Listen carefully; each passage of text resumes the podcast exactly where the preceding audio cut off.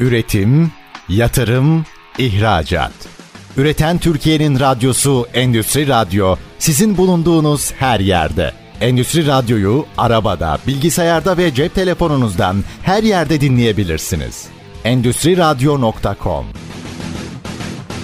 Sabri Öz'ün hazırlayıp sunduğu Fütürist Yaklaşımlar programı başlıyor. ST Endüstri Radyo'dan herkese iyi günler diliyoruz. Fütürist yaklaşımlarda ben Sabri Öz. Bu hafta önemli bir konuğumuz var yine gündemle ilgili. Gündemi değerlendirecek ve aynı zamanda içinde bulunduğumuz dönemi değerlendirecek ve gerek politika üretimi konusunda, gerek çalışmalar konusunda, gerekse de kendi alanıyla ilgili yapmış olduğu özellikle doktora teziyle ilgili bizleri yönlendirecek bir dostumuz şu anda bizimle birlikte. Doktor Cengiz Akyıldız hocamız bizimle. Beta İlim Derneği Bilim Kurulu üyesi aynı zamanda. Cengiz Bey hoş geldiniz. Merhabalar hocam nasılsınız? Yani iyiyiz diyelim iyi olalım. Söz ola diye söylüyoruz ya hani işte evet, bu zamanlarda. Yani söz ola diye de sorulur yani. Evet. Maalesef. Evet. İçinden geçmekte olduğumuz durum Türkiye açısından, yüzyıl açısından ve hatta dünya açısından çok önemli. Dünyada da benzeri olmamış bir hadiseyi yaşadık galiba değil mi? Yani iki tane depremin arka arkaya, bağımsız depremin arka arkaya 9 saat arayla geliyor olması, aynı bölgede geliyor olması dünyada herhalde eşine rastlanmayan bir şey diyebiliyorum. Deprem uzmanı değiliz elbette ama iç sağlığı güvenliği üzerinde sizin çok önemli çalışmalarınız vardı Cengiz Bey takdirle takip ettiğimiz çalışmalarınızdı. İş sağlığı güvenliği ve göç üzerine özellikle mültecilerin çalışma olanakları ve çalışma şartları ile ilgili, sosyal hakları ile ilgili vesaire falan e, yaptığınız çalışmalar, çalıştaylar ve e, tezleriniz var. Özellikle ürettiğiniz makaleler ve ürettiğiniz kitap bölümleri var biliyorum. Şöyle yapalım mı Cengiz Bey? Programı 3 kısma ayıralım. İş sağlığı güvenliği ve göç üzerinde duralım. Akabinde deprem ve iş sağlığı güvenliği üzerine biraz konuşalım. E, sonrasında da deprem ve göç meselesini bir değerlendirelim. Üçüncü yaklaşımlarda önümüze dair, geleceğe dair ne gibi bir tehlike demeyelim buna, ne gibi bir doğa olayı, ne gibi bir efendim sosyal olay gündeme gelir. Bunlarla ilgili biraz e, sohbet edelim sizinle. Ne dersiniz? Tabii ki memnuniyetle. Buyurun. Parametremiz üç tane. İş sağlığı güvenliği, göç ve deprem. Bu evet, üç tane parametreyi ikişer ikişer birbirine bağlayınca zaten üç tane bölümümüz yapıyor. O halde dilerseniz iş sağlığı güvenliği ve göç üzerinden başlayalım mı? Hem de siz sizden rica edeyim hem kendinizden biraz bahsedin. Akabinde de iş sağlığı güvenliği ve göç üzerine özellikle yapmış olduğunuz tezle de ilgili bize bilgi verebilirseniz, doktora teziyle de ilgili bize bilgi verebilirseniz çok sevinirim. Buyurun. Teşekkürler. E, lisans diploması itibariyle inşaat mühendisi olduğumdan iş sağlığı ve güvenliğine çok yakın bir konumda idim. Ve buna karar verdik ve uyguladık. Ee, yüksek lisansın arkasından bir doktorayla bu çalışmalara devam ettik hocam. Yani Ticaret Üniversitesi'nde beraber biliyorsunuz çalıştık. Çalıştaylarımızda da hani sizin emeklerinizi de belirtmeden geçemeyeceğim. Göç konusu dünyada biliyorsunuz çok çok çeşitli sebeplerden kaynaklanan ve sürekliliği olan, gelecekte de yaşanacak bir olgu, göç olgusu. Ben her zaman şunu diyorum, dünyayı eğer uzaylılar gelip değiştiremez, sınırları kaldıramazsa göçmenler sınırları kaldırabilir diye düşünüyorum. Evet göçmenler hocam işte bildiğimiz tarihin, takip edebildiğimiz tarihle birlikte büyük göç olayları gözümüze çarpıyor, yaşanıyor. Mesela ilk Mısır'dan efendime söyleyeyim Yahudilerin yapmış olduğu bir göç var değil mi? Bildiğimiz en büyük ilk göç bu. Ondan sonra tarihin çeşitli dönemlerinde yine çok büyük göçler olmuş. Bu göçler bazen batıdan doğuya, bazen doğudan batıya gerçekleşmiş. O zamanın gerektiği koş, gerektirdiği koşullar neyse o yönde cereyan etmişler. Değil mi? Mesela bizim kavimler göçümüz var. İlk aklımıza gelen o oluyor değil mi? Yani bize özellikle ilkokul dönemlerinde, ortaokul dönemlerinde evet. anlatılan bir göçtür. Kavimler göçü. Evet buyurun. E, ve bu e, göçün çok önemli bir başka özelliği de çok uzun sürmüştür bu göç. 200 yıl, 300 yıl sürmüş bir göçtür. O açıdan da önemi var. Göç dediğimiz zaman toprak değişikliği var. Bir kültürden başka bir kültüre transfer olma olgusu var.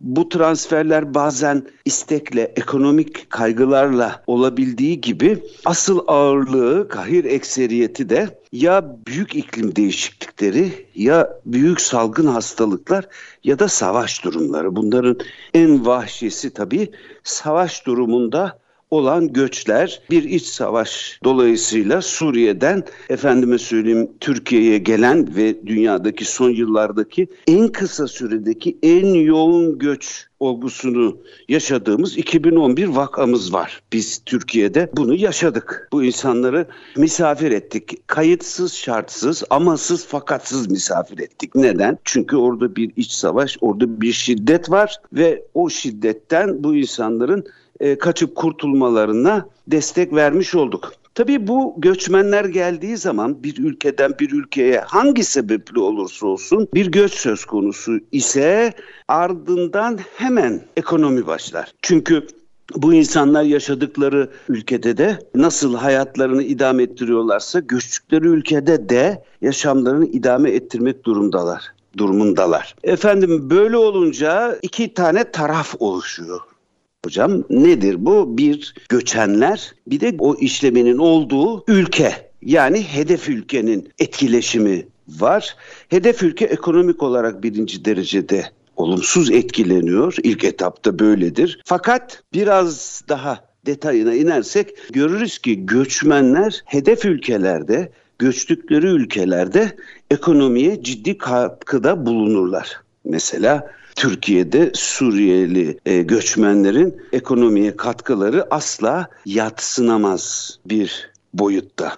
Vakti zamanında ee, Türkiye'den Almanya'ya gidenler için de şey e, söz konusu değil mi? 1960'larda. Gerçi onlar bizi bilhassa ekonomi açısından almışlardı. Davet etmişlerdi. Türkiye'den Almanya'ya davet vardı o zaman için. E, şimdi tabii zorunlu bir göç söz konusu. Biz tabii biraz daha ülke olarak ivazsız garazsız anlayışıyla yani Allah rızası için ve e, hani arkasında bir ekonomik beklenti olmadan ve ekonomik beklenti ekonomik durumu düşünmeden de e, hareket ettik galiba anladığım kadarıyla. Çünkü çok ciddi rakamlar var Türkiye'den Türkiye'ye gelen e, Suriyeliler ve Suriye'den daha doğrusu Türkiye'den Avrupa'ya geçemeyen birçok e, mültecinin olduğunu da biliyoruz. Geçirilmeyen işte e, mesele İvaz ve Garaz olunca geçirilmiyor. Ama her halükarda e, yani zorunlu da olsa, zorunlu olmadan da olsa galiba İlber Ortaylı'nın bir ifadesi var Profesör Doktor İlber Hoca'nın. Sanırım göç hayatın sürekliliği açısından en önemli şartlardan bir tanesidir diyor. Bilmiyorum katılır mısınız? Yani göç yeryüzünde sürekli olacaktır diyor.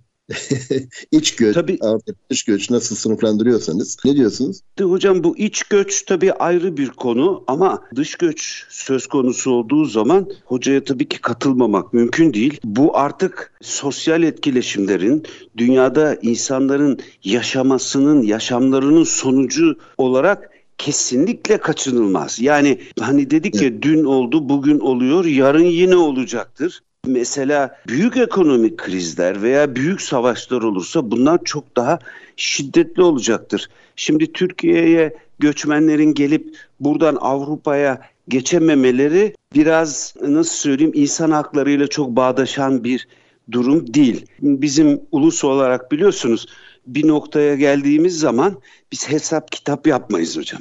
Evet, Eğer evet. koşullar onu gerektiriyorsa onu yaparız. Nedir koşullar? Bir anda ortalık Özür dilerim. İvansız garazsızdan kastım o. Evet aynen öyle. Mesela Irak'ta olmuştu değil mi böyle bir şey? Irak'ta bir kimyasal silah kullanımı söz konusuydu ve bizim sınır kapımıza 6-8 saat gibi kısacık bir sürede yığılmalar oldu ve biz sınır kapılarımızı sonuna kadar açtık. Bunu yaparken hiç hesap falan yapmadık. Ama tabii bu biraz kültür meselesi hocam. Mesela Avrupa'ya geçmek isteyip de geçemeyen birçok sorunların yaşandığı özellikle Yunanistan hudutunda yaşanan insanlık dışı uygulamalar mesela denizden gelenlerin geri Türk karasularına itilmesi meselesi falan bu göçler konusundaki uygulama ayıplarının en başında geliyor. E, bunu tabii ki etik veya nasıl söyleyeyim hani duygusal bir ifade kullanmıyorum ama akılla çok açıklanacak bir durum değil.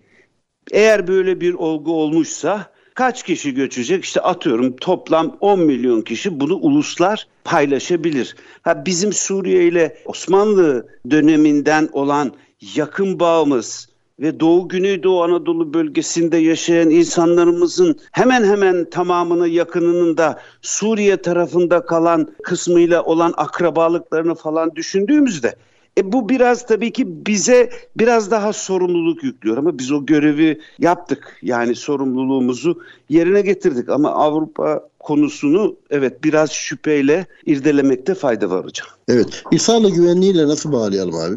Hocam iş sağlığı güvenliğiyle göçü bağladığımız zaman çok mutlu değiliz.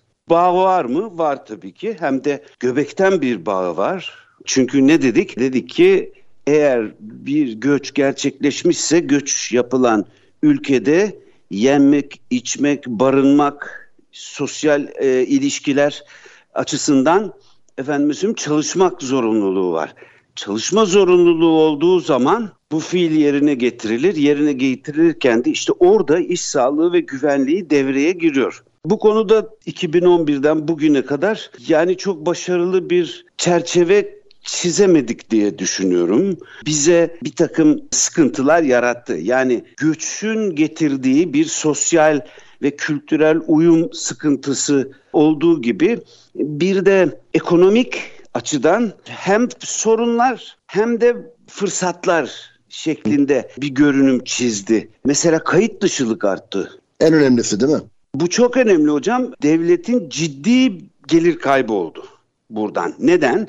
Çünkü kayıt dışı çalışılıyor olduğu için ne muhtasar vergisi ödendi ne SGK'sı ödendi. Efendim söyleyeyim böyle olunca bu gelen Suriyeli ve çalışan insanlara, çalışanlara çalışmayanlara aslında yapılan sağlık yardımları biliyorsunuz karşılıksız sağlık yardımları yapıldı. Bazı çok büyük ameliyatlar falan gerektiği zaman zamanlar efendime söyleyeyim duruma göre bir miktar ücret alındığı biliniyor ama yani kahir ekseriyetle yüzde 99 karşılıksız bir sağlık hizmeti sunduk biz bu insanlara ve sunduğumuz sağlık hizmetinin harcamaları Türk çalışanların üzerinde bir yük oluşturdu. Evet. Böyle olunca tabii hem sosyal yönden hem sosyal yönden hem de ekonomik yönden bazı sıkıntılar yaşadığımız aşikardır. Peki gelen göçmenlerin bize yararı olmuş mudur? Fevkalade yararı olmuştur.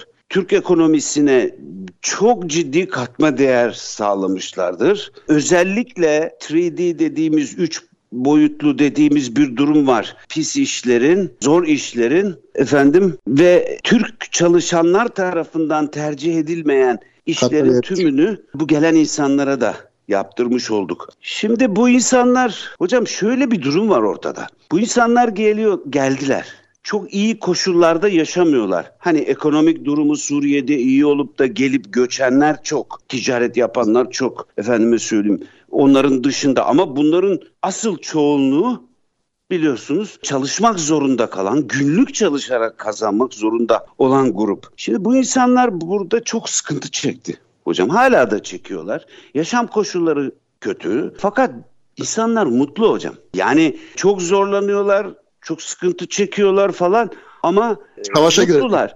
Göre, savaşa göre daha mutlular tabii. Yani çok mutlular. Bomba atılmıyor vesaire falan. Bir bomba sesiyle uyanmıyorlar değil mi? Tabii bir öyle bir de yaşadıkları ülkeden daha modern, daha fırsatları olan bir ülkeye geldiler. Şimdi bakın o 2011-2023 Hani şimdilerde bir tartışma var ya kaç kişi geri döner. Yani çok ihtimal vermiyorum. İstekli olarak döneceklerin sayısı oldukça az olmalı. Çünkü bu insanların çocukları doğdu. 12-13 yaşına geldi bu çocuklar. E artık bunlar Türk. Arapça bilmeyen Suriyeli çocuklar öğrendim. Gaziantep Üniversitesi'nin bir göç çalıştığı vardı. Oraya gitmiştik. Evet. Orası yani göçmenlerin çok yoğun olduğu yer olduğu için orada rektör hoca demişti ki inanın Arapça bilmeyen veya çat pat Arapça konuşabilen Suriyeli çocuklar var.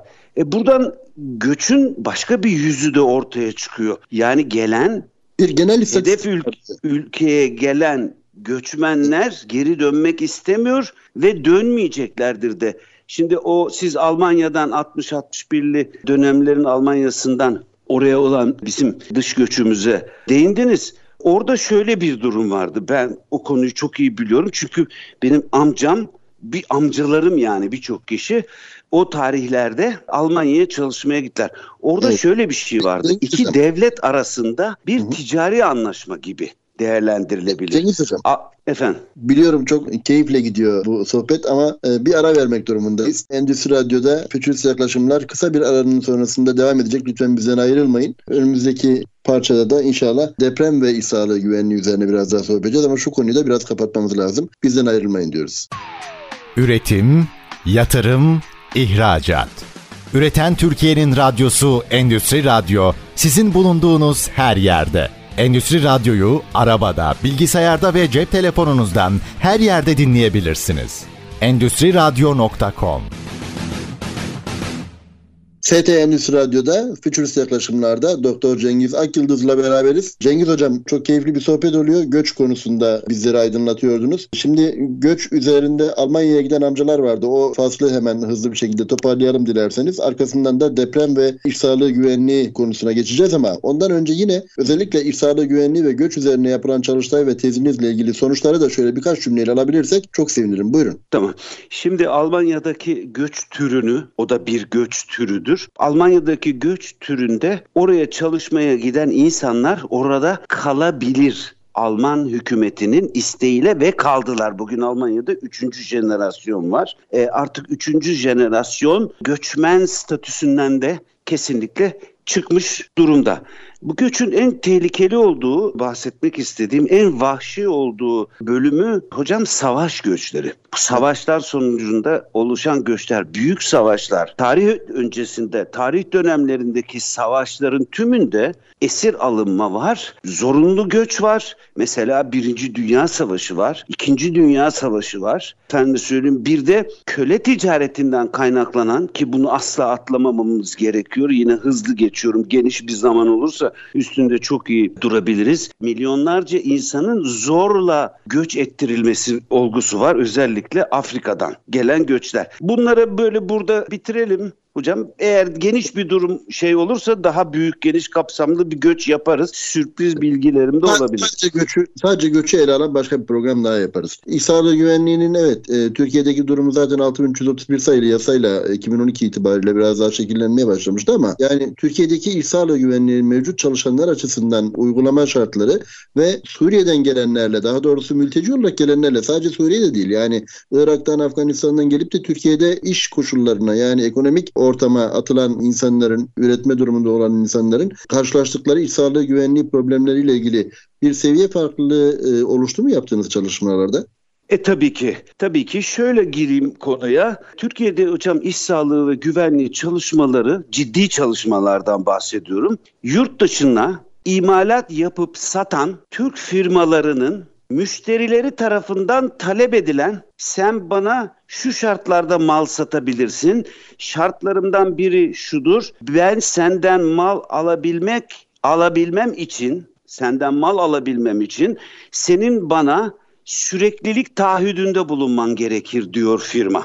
Yani 6 ay malzeme verdin ama iş yerini doğru idare etmediğin için benim zincirimi bozarsan eğer buradan sıkıntı yaşarız diye bazı sözleşmeler imzalatırlardı firmalara.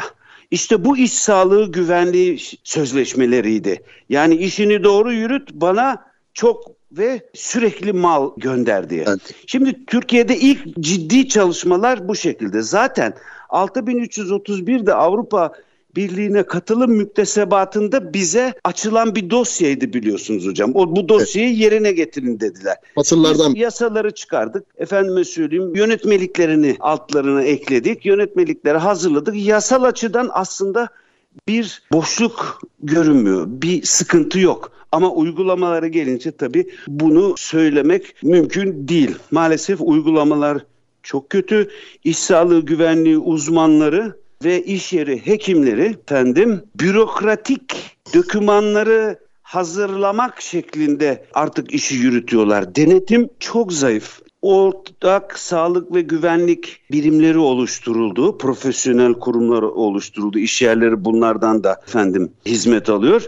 Ama denetim sistemi çok zayıf denetlenemiyor. Çünkü yeterli sayıda Çalışma Bakanlığı'nın yeterli sayıda müfettişi yok hocam. Yani yetmiyor bunlar. Ayrıca iş sağlığı güvenliği uzmanlarının baştan çalışma konusunda, çalışma şartları konusunda baştan yapılmış çok büyük bir yanlış var. Bunu hala düzeltmediler. Umuyorum ki en kısa sürede de düzeltsinler. İş güvenliği uzmanı ve iş yeri hekimi denetlediği iş yeri sahibinden maaş alıyor. Hocam bakın bu çok önemli. Yani iş sağlığı güvenliğinin düzene girmesi için birinci derecede hemen tedbirinin alınması gereken unsur bu. İşveren kendisi bulmayacak İSG uzmanını. İş yerinde benim bir İSG uzmanına ihtiyacım var diyecek. Çalışma Bakanlığı'na bildirilecek. Çalışma Bakanlığı İSG uzmanlarından o iş statüsüne uygun. Mesela inşaatsa ayrı grup olacak deneyim açısından, tekstilse ayrı, sanayisi ayrı, demirse ayrı gibi bu şekilde olması lazım ki ki İSG uzmanı görevini yapabilsin. Hocam. Yani işveren, e, işveren ve denetim açısından böyle bir ilişkinin doğuyor olması denetimin zayıflatılmasını sağlıyor. Denetimin zayıf olmasını sağlıyor benim anladığım kadarıyla. Evet aynen öyle. Aynen öyle. Evet, hocam yani burada e, aslında evet denetim çok önemli kabul yasaların uygulanması da bu anlamda çok çok önemli. Fakat mesela işte şimdi deprem ve depreme dayalı çıkartılan bilhassa yasalar ve onların uygulamasıyla da ilgili geleceğiz. Yani insanların aslında yine tekrar dönüp dolaşıp eğitim meselesine gelmiyor muyuz? Yani iş sağlığı güvenliğinde de mesela eğitim çok çok önemli. Mühendisler doğrudan işte inşaat mühendisleri şunlar bunlar vesaire falan İSG uzmanları olabiliyorlar ama aldıkları ders ve müfredatlara baktığınızda bir dönem öncesine kadar şey yoktu. Zorunlu olarak iş sağlığı güvenliği güvenliği dersleri dahi yoktu. Şimdi şimdi koymaya başladılar bu konuyu anladığım kadarıyla. Ama yani bu işin yine başında biraz biraz sanki eğitim var gibi. Yani istediğimiz kadar yasaları koyun. Bu deprem için de şimdi aynı şeyi konuşacağız herhalde. İstediğiniz kadar yasaları koyun, evet. istediğiniz kadar çok güzel e, normlar getirin, anayasaya koyun, kanunlara, yönetmeliklere, yönergelere koyun. Bunu uygulayamıyor olduktan sonra ve uygulamanın elbette denetimi çok önemli. Fakat denetimle de aslında başa çıkılacak gibi değil. Çünkü şey aklıma geliyor, hatırlar mısınız? Uçurtmayı vurmasınlar mıydı? Öyle bir film vardı başka daha doğrusu hapishane müdürü birisini denetlemek üzere gönderiyor. Arkasından denetleyeni de denetlemek üzere gönderiyor. Arkasından birini daha gönderiyor. Denetleyeni denetleyeni denetlemek Bir Aziz Nesin hikayesidir. Bir Aziz Nesin şey hikayesi de var o konuda hatırlıyorum yani. Bu, e hocam maalesef öyle, maalesef öyle ama bu düzeltilemez mi? İnanın bana son derece düzeltilebilir, son derece çabuk düzeltilebilir ama bazı olguların farkına varmak lazım. Şimdi bakın yasalar niye vardır? Çünkü muhatapları olan halk o yasalara muhalif hareket ediyorlardır. Yapmasınlar diye caydırıcı bir takım zecri uygulamalarla o insanların o kurallara uyması sağlanır değil mi? Yasaların görevi budur. Yasa bir konuda yasa varsa mutlaka yasada belirtilen hükümlere aykırı davranan bir insan topluluğu vardır. Bu işin doğal tarafıdır. Dolayısıyla yasayı alıp rafa koyup da efendime söyleyeyim orada tozlandırırsanız o vatandaş diyeyim yasa dışı işlerini yapmaya devam eder. Ama yasamızda vardır. Bu nedenle hocam uygulama denetim çok önemli. Ha denetime yet yani bu sistemde mevcut sistemde denetimle bu iş çözülemez hocam mümkün değil. Yani yüz binlerce inşaatın olduğu veya binlerce efendime söyleyeyim sanayi tesisinin olduğu bir ülkede siz 300-500 tane müfettiş de bunu yani gülerler insana öyle bir şey olmaz. Ha ama ne olabilir? Örnek veriyorum.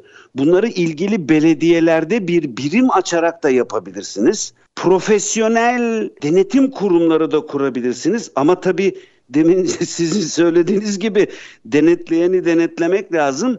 Efendim bunlarla bu şekilde çözülebilir. Yani sorumluluğu, gücü, hak ve yetkiyi paylaştırarak bu iş son derece kolay yapılabilir. Bakın hocam iş sağlığı güvenliği konusu Türkiye'de çözülsün. İnanın birçok e, şey çözülür. İki tane çalışma hayatının iki tane çok büyük problemi var. Bir, iş sağlığı güvenliği uygulamaları, iki kayıt dışılık. Kayıt dışılık hocam bütün kötülüklerin anası. Ekonomik olarak kötülüklerin anası, efendime söyleyeyim çalışanların mağduriyeti açısından yani inanın üzerinde saatlerce konuşabiliriz. Bu iki faktör düzeltildiği zaman hiçbir sorun kalmayacaktır. Bakın istatistiklerden bir iki söz edeyim. SGK istatistikleri her sene bülten yayınlar hocam. Orada biz şeyi hemen o sene yeni sene çıktı mı şeye bakarız. Kaç tane iş kazası olmuş? toplam. Bu iş kazalarının sektörlere göre dağılımı nedir? Kaç kişi iş kazası geçirmiş, bir süre sonra iyileşmiş? Kaç kişi organ kaybı yaşamış? Kaç kişi ölmüş? Ne kadar meslek hastalığı tespiti yapılmış? Bunları SGK'dan görürüz. Bakın SGK'da elde ettiğimiz bilgiler neler? Kayıtlı olanlar. Yani SGK evet. kurumuna kayıtlı olan insanların de- değerlerini anca alabiliyoruz. Şimdi bu da 20 milyon civarında bazen 15 milyon çıkar gibi çalışanın hocam şeylerini bulabiliyor. E, ve çıkan rakam şu. Ortalama ölümlüleri söyleyeyim, diğerlerini hiç söylemeyeyim. Her sene 1400-1500 tane falan insan her yıl bakın bu trafikten birileri öldü mü işte hani savaşta, depremde falan ölenlerle bunu kıyasladığınız zaman hocam uzun vadede burada şöyle bir durum var istikrarlı, periyodik bir şekilde her sene 1400 ile 1700 arasında iş kazası ölümü bildirir SGK istatistik verileri. Bu doğru mudur? Maalesef bu doğru değildir. Neden? Bir, kayıt dışı işçiler var. Bunlar bu sigorta kayıtlarına girmiyor ki bu yüzde otuz civarında değişir. Bir de SGK istatistiklerinde kamu çalışanları yoktur. Biliyorsunuz hocam Türkiye'de ciddi anlamda bir kamu çalışanı yığını var. Yani bunlarla ilgili hiçbir SGK istatistiği yok. SGK'yı aradım işte bu şeyleri istatistik bürosunu. Hocam dediler vallahi yani bilmiyoruz size ne cevap verelim ama biz böyle bir çalışma yapmıyoruz. Mesela ben şöyle düşünüyorum. Suriyelileri de katarsam kayıt dışılarla ve kamu çalışanlarıyla yılda en az hocam 3000'e yakın insan iş kazalarından ölüyor. Bakın hocam bunları rakamlara çevirdiğiniz zaman iş çok değişir. Büyük ekonomik zararlar olur.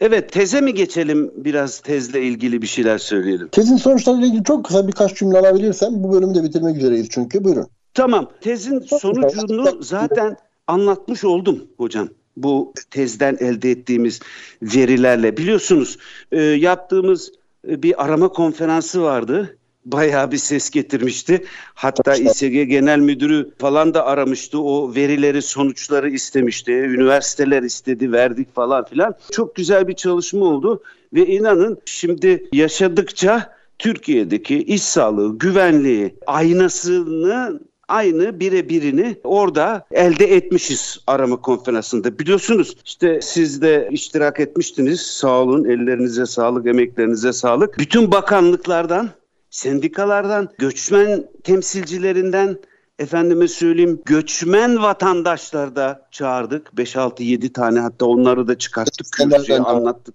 dertlerini falan. Biliyorsunuz ve elde ettiğimiz sonuçlar aslında benim az önce anlattıklarım. Evet. Az önce anlattığım sorunlar. Fakat buradan bir tane küçücük başka bir şey söyleyeceğim. Bizde hep böyle oluyor maalesef. Bir heyecanla kurumlar bu bizim arama konferansı raporumuzu e, aldılar, incelediler, baktılar, güzel olumlu düşüncelerini bildirdiler falan. Sonra unutuldu gitti.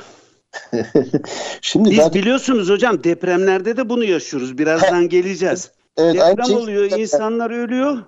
Dünya kadar ekonomik zarar var bir televizyonların başına toplanılıyor. Efendim politikacılar demeç veriyor, profesörler çıkıyor, konuşuyor, bilmem ne oluyor.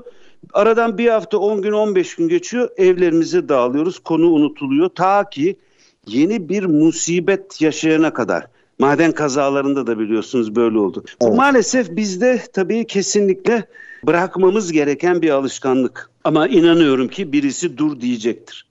Valla öyle olmak zorunda yoksa her defasında her büyük afette veya felakette işte bu kadar can kaybı vermeye devam ediyoruz maalesef. Ağzınıza sağlık. Kısa bir ara verelim dilerseniz. Ee, ondan sonra tekrar devam edelim göç ve deprem üzerine, İSG ve deprem üzerine. ST Endüstri Radyo'da Futurist Yaklaşımlar Doktor Cengiz Akyıldız hocamızla birlikte devam edecek. Kısa bir ara veriyoruz. Bizden ayrılmayın.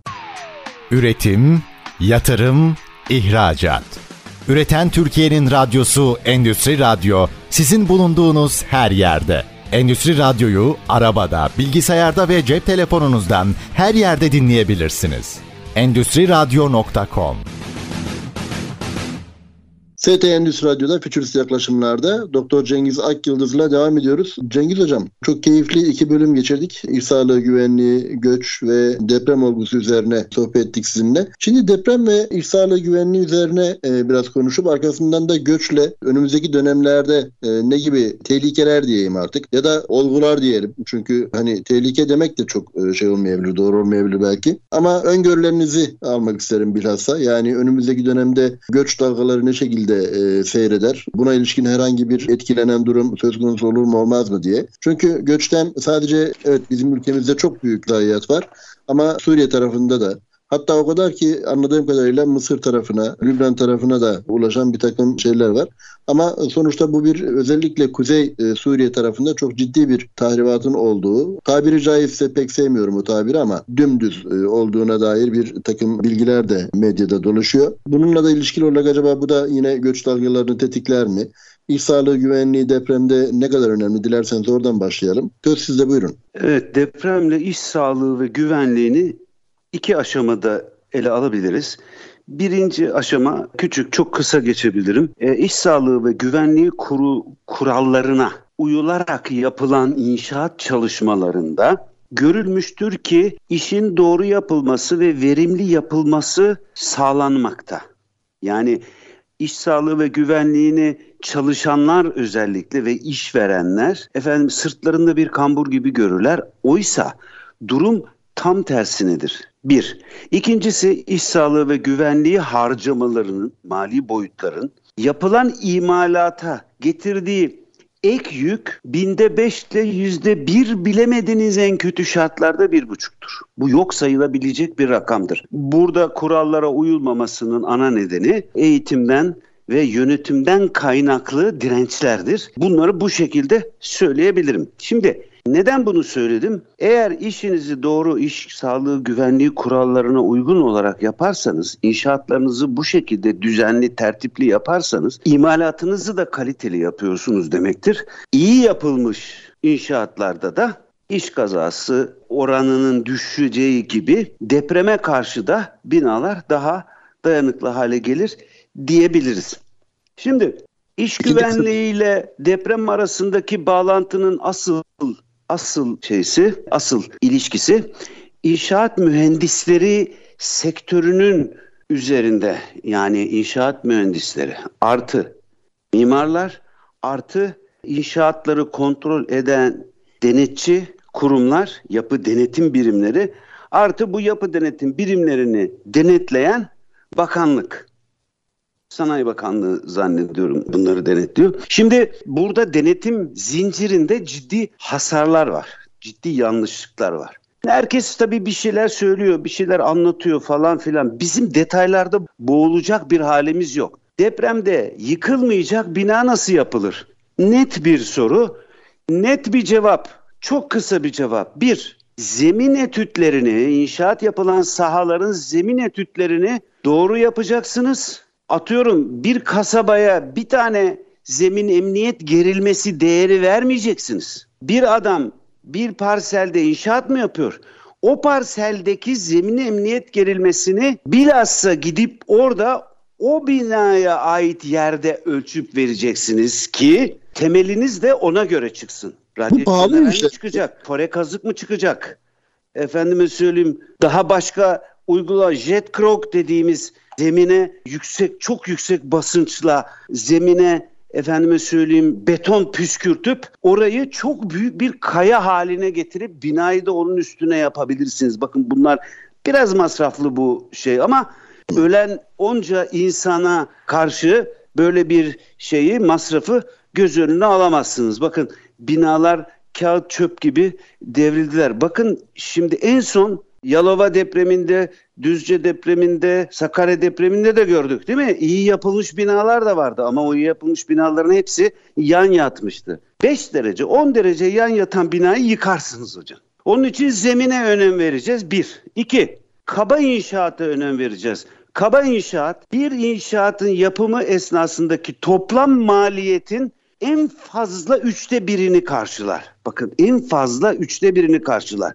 Siz bu üçte birlik bölümü doğru yaptınız mı insanlar ölmez. Süslersiniz bilmem ne yaparsınız bilmem ne marka asansör kullanırsınız falan filan onlar onlar işin makyaj tarafı. E, dolayısıyla bu üçte bire dikkat edeceğiz. Nedir? Beton emniyet gerilmesi şartlarını karşılayacak.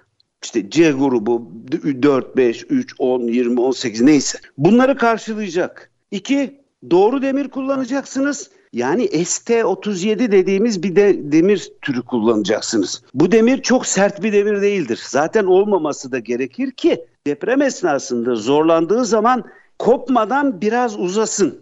Yani ciddi olarak 1,5-2 santim, 3 santim demirin boyuna göre demir uzayacak, akacak yani buna akım deriz. Bu tür demir kullanacaksınız. Mesela ST52 dediğimiz bir demir var. Çok sert bir demir. Onu kullanamazsınız inşaatta. Hemen kırılır. Evet demek ki neymiş? Beton armeyi doğru yapacağız. Demirimizi yani betonumuzu düzgün yapacağız. Projeye uyacağız. Projeyi çizen kişiler de deprem faktörünü ön planda tutacak. Yani binalar ya kare olacak ya dikdörtgen olacak merdiven kovası beton e, betonarme sistemin, karkas sistemin tam ortasında yer alacak ve merdiven kovası perde beton olacak. Şimdi bunları yaptığınız zaman zemin çok önemli. Zemini de söyledim. Zaten bütün bunları bu saydığım çok basit üç kuralı uyguladığınız zaman hocam yani ölüm kazası minimumlarda seyreder. Minimumlarda. Yani binanın depremde hasar görmemesi demek binanın sapasağlam kalmasını da gerektirmiyor. Yani ne olacak diyoruz? Kolon kiriş birleşimlerinde hafif çatlaklıklar olacak. Ufak tefek sıvalar dökülecek, bir şeyler dökülecek falan ama ne olacak? Bina yıkılmayacak. Hedefimiz bu bizim. E bu hedefi sağlamak için bu üç tane kural varken, efendime söyleyeyim ve bunları yerine getirmekte çok kolayken bu kadar ölüm niye? Bu konular niye? Mesela çok önemli başka bir şey daha var. Genellikle idarecilerin, merkezi hükümetlerin sorumluluğunda olan kesinlikle Türkiye Cumhuriyeti tarihinden ezelden bir şey yapamıyoruz. Oldu bitti ama ebediyen imar affı kavramını literatürümüzden çıkaracağız hocam. Bunları çıkaracağız. Bunları yapmayacağız. Hocaların söylediğine uyacağız. Şimdi deprem konusu kaç zamandır daha önce de konuşuluyordu. Deniyordu ki efendim işte deprem bakanlığı kurulsun falan. İlk göçmenler bize geldiği zaman ortalık iyice karışıkken diyorduk ki işte bir göç bakanlığı kurulsun gibi böyle çok ayakları yere basmayan hani gerekli olmadığını söylemiyorum bunu ifade ederken. Ama yerinde zamanında oturarak düşünerek sanayicileri, iş adamlarını, hükümet yetkililerini, devlet erkanını işte efendime söyleyeyim bilim insanlarını, üniversiteleri bu işin içine sokarak büyük bir afet programı hazırlamamız lazım. Ve afet programını çok güzel hazırlamamız lazım. Yani biz Amerika'yı bir de yeniden keşfetmiyoruz hocam.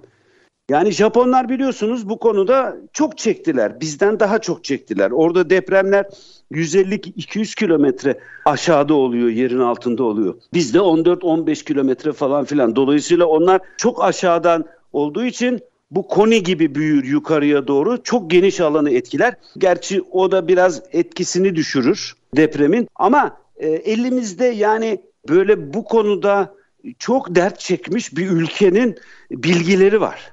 Bundan faydalanmalıyız.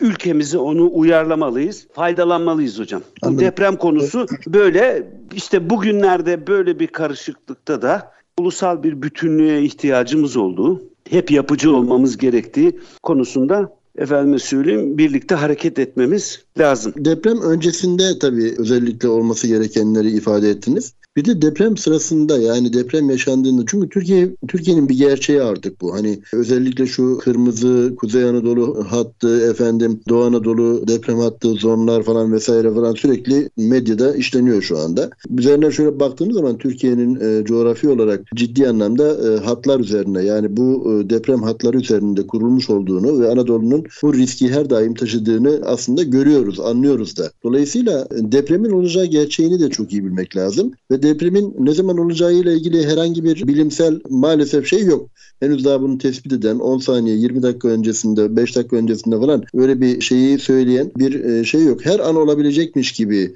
bir ibareden bahsedilir her daim. Dolayısıyla sizin de ifade ettiğiniz gibi öncesinde alınacak olan iş sağlığı ve güvenliği üzerine yapılacak olan bir takım e, önlemler belki de dediğiniz gibi masrafın en fazla üçte birine kadarlık bir şey e, taşıyor. ilave masraf taşıyor. Ama bu... E, hayır üçte, hayır üçte masraf... biri kadar ilave masraf taşımıyor hocam. Betonarme dediğimiz binanın asıl depreme dayanıklılığını sağlayan bu karkas sistemin toplam inşaat maliyeti üzerindeki oranı yüzde otuz. Biz bunu çok güzel yaptığımız zaman çok Onun usulüne uygun yaptığımız zaman bunun üstüne belki yüzde otuz değil de yüzde otuz beş olur. Yani Anladım. Yüzde maliyet üzerinde. ilaveden bahsediyoruz sadece yani. Tabii genel, ki, tabii e, ki. Genel, tabii ki. E, aynen öyle. Aynen öyle. Bu 3-5'lik ilaveyle aslında yıkılsa dahi veya yan yatsa, eğilse dahi en azından tahliye yollarını çok sağlam ve insanların mağdur olmayacakları şekliyle hazırlıyor, yapıyor olmak. Efendim bilhassa işte merdivenler ya da ne bileyim çıkış koridorları vesaire falan gibi bir takım önlemleri de bu işin içine katıyor olmak elbette çok önemli olacaktır herhalde. Yani yıkılabilir dediğiniz gibi veya dökülebilir, çatlayabilir. Çünkü şiddet oldukça yoğun olabiliyor. Kara üzerinden gelebiliyor. Yani pek çok kimse bir de şu yanlışa düşüyor. E, Japonya'da 9 şiddetinde deprem oluyor. Ya kardeşim Japonya'da 9 şiddetindeki deprem açıklarda ve yerin bilmem kaç kilometre altında. Bizde yerin 7 kilometre altında ve karada şeydeyiz yani direkt yüz yüzeyiz yani depremle. Şimdi onunla onu karşılaştırmanın da çok doğru bir yaklaşım olduğunu düşünmüyorum ben de tabii deprem uzmanı falan değilim. Ama öğrendiğimiz kadarıyla ben de mühendisim nihayetinde öğrendiğimiz kadarıyla bu e, kıyaslamanın da çok doğru olmadığını düşünüyorum ve anlıyorum. Velhasıl kelam depremle evet yıkılabilir, yan yatabilir, şu olabilir, bu olabilir ama sonuçta insan hayatını tehlikeye atmayacak şekilde e, önlem alınması gerektiği. İşte zonlar madem belliyse zonların üzerinde biz niye 15 katlı bina yaparız kardeşim ya? Allah ya Allah. Yani biz sadece bu zonların üzerinde 15 katlı bina yapmıyoruz. O doğru. Fakat havaalanında yapıyoruz. Yollar da yapıyoruz. Evet havamanyalar neden düzgün bir şekilde işletilmez? Hep kurallarını koyarız aslında. Bunlar konusunda yani bunların e, kuralları, kanunları hakikaten çok ciddi anlamda alınmış bizim ülkemizde de. Ama uygulama konusunda uygulama işte, hocam. Uygulama değil mi? Ana, Kesinlikle ana başka hiçbir şey yok. Yani bakın bu Doğu, Güneydoğu bölgesi Doğu Anadolu fayı kırıldı biliyorsunuz 200-300 kilometre tam daha hesaplanmadı civarında kırıldı. Burada çok önemli bir şey oldu. Yani bizim Sakarya depremi, Düzce Kaynaşlı depreminin dışında bir şey daha oldu. Ayrı bir fay daha kırıldı hocam. Şimdi bakın ayrı bir fay daha kırıldı. Ben de deprem uzmanı değilim ama tabii ki sonuç itibariyle bu 99 depreminden sonra bize deprem uzmanlığı belgesi verildi. Seminerlere katıldık, eğitimlere katıldık, sınavlara girdik falan filan. Sonra da ne oldu? Bu belgeler verildi. Birçok arkadaşımız, mühendis arkadaşımız da aldı falan filan. Ben 2-3 tane dosyaya baktım. 2-3 dosyadan sonra ne dosya geldi, ne belediye çağırdı, ne valilik çağırdı. Hiçbir şey çağırmadı. Şimdi demek istediğim burada çok ekstrem bir durum var bizim şimdi yaşadığımız depremde. Aynı değerde ve çok yıkıcı değerde iki tane ayrı fay kırıldı. Şimdi ciddi olarak şapkamızı önümüze koyacağız. Bilim adamlarını toplayacağız bu adamlarla efendime söyleyeyim bunlar ne derse onu yapacağız. Benim bu işten anladığım bu. Şimdi depremde e, deprem öncesi, deprem sonrası diye ayırmak çok e, bilmiyorum ne kadar doğru olur. Çünkü afet ve acil durum yönetimi diye bir kurum var. Yani böyle bir eğitim var. Afet planları sanayide özellikle sanayi tesislerinde alınan büyük afetler sanayi afetlerinde siz de daha iyi bilirsiniz hocam bu işin. Çünkü bu yönündesiniz. Bir de acil durum planları var. Şimdi bu acil durum planları, afet planları hocam bunları hazırladığınız zaman zaten şöyle bir eldeki veriler nedir? Türkiye birinci derece deprem alanındadır. Bitti. Onu oraya bir kere en başa yazıyorsunuz. Kırmızı alarm. Türkiye. Biz bunu ne zaman fark ettik Türkiye'nin birinci derece deprem bölgesi olduğunu? 99 depreminde fark ettik.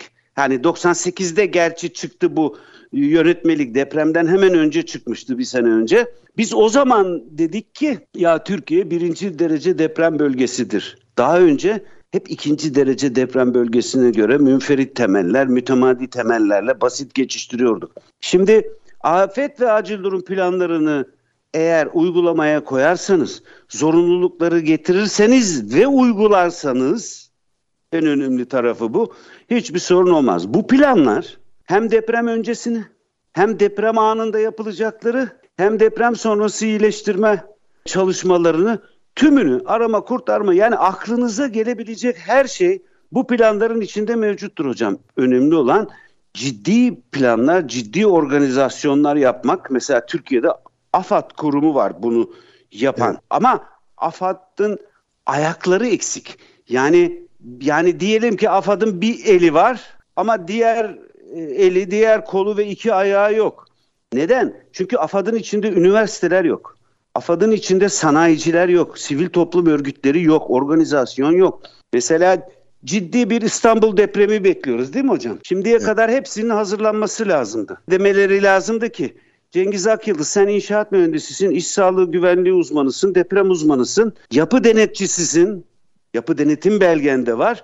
Sen olası bir İstanbul depreminde nerede oturuyorsun? Kadıköy'de. Kadıköy'de falanca bölgede arama kurtarma iyileştirme çalışmalarını gözetmek üzere şu şu şu şu şu şu şu kişilerle afetten hemen sonra buluşacaksın ve koordine olacaksınız. Koordineli olacaksınız demesi gerekir.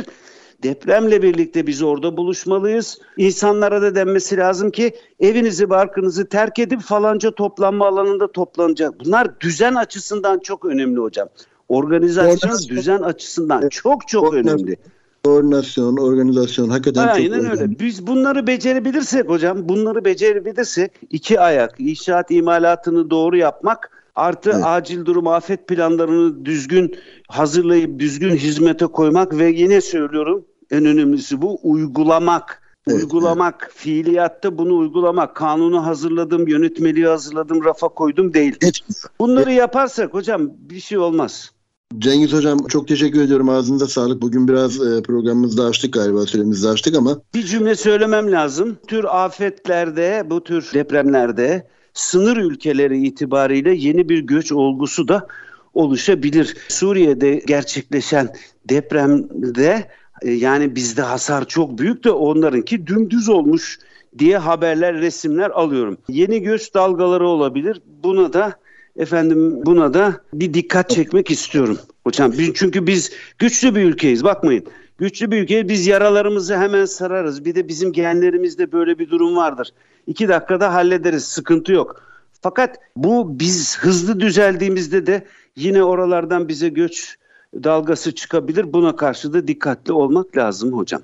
Evet güçlü ve hakikaten birlik olmayı bilen bir ülkeyiz. Bazı çatlaklarımız olsa da bazı sıkıntılar yaşasak da deprem sırasında gördük bunları da. İşi siyasete götürenler, işin işte ne bileyim e, eleştirel taraflarını. Evet eleştiri elbette olsun e, ama her zaman yapıcı olmak lazım. Biz e, memleketimizin, insanlarımızın hakikaten ne kadar büyük gönüllü olduklarını bir kez daha görmüş olduk. Her fırsatta zaten görüyoruz bunu ama bu deprem dediğimiz gibi 100 yılın ve dünyada hakikaten e, eşi benzeri olmayan bir deprem şekliydi. Bu minvalde bir kez daha görmüş olduk. Hepimiz devletiz burada bu durumda. Yani sivil tarafı, efendim yerel belediyeleri, efendim devletin bütün organlarıyla beraber askeriyesi, ordusu, şuyu buyu vesaire falan hepsiyle birlikte biz bir devletiz burada. Yani dolayısıyla yetişilemeyebilir, e, bir takım noksanlıklar, organizasyon sıkıntılar olabilir. Daha önceki depremlerde daha seri davranılmış olabilir. Mesela bu, bu deprem dediğimiz gibi tekrar ayrı bir tarafa koymak lazım bu depremi. Bu ben, apayrı bir deprem. Bu, Sabri Hocam bu apayrı bir şey. Evet. Aynı anda yıkıcılığı çok yüksek 7.7, 7.8 iki ayrı fayın kırılmış olması e, bu anlatılır bir mevzu değil. Vefat edenlere Allah'tan rahmet dileyelim. Maddi hasarlarımızı devletimiz dediğiniz gibi büyüktür. En kısa zamanda inşallah yerine gelecektir. Daha güzeli, daha tedbirli olacak şekilde şehirler inşa edilecektir o bölgelerde. Ona inanıyorum ben. Ee, Tabii daha güzel olacaktır. Ovalarda yapılmayacaktır. Alüvyonlu topraklar üstünde yapılmayacaktır.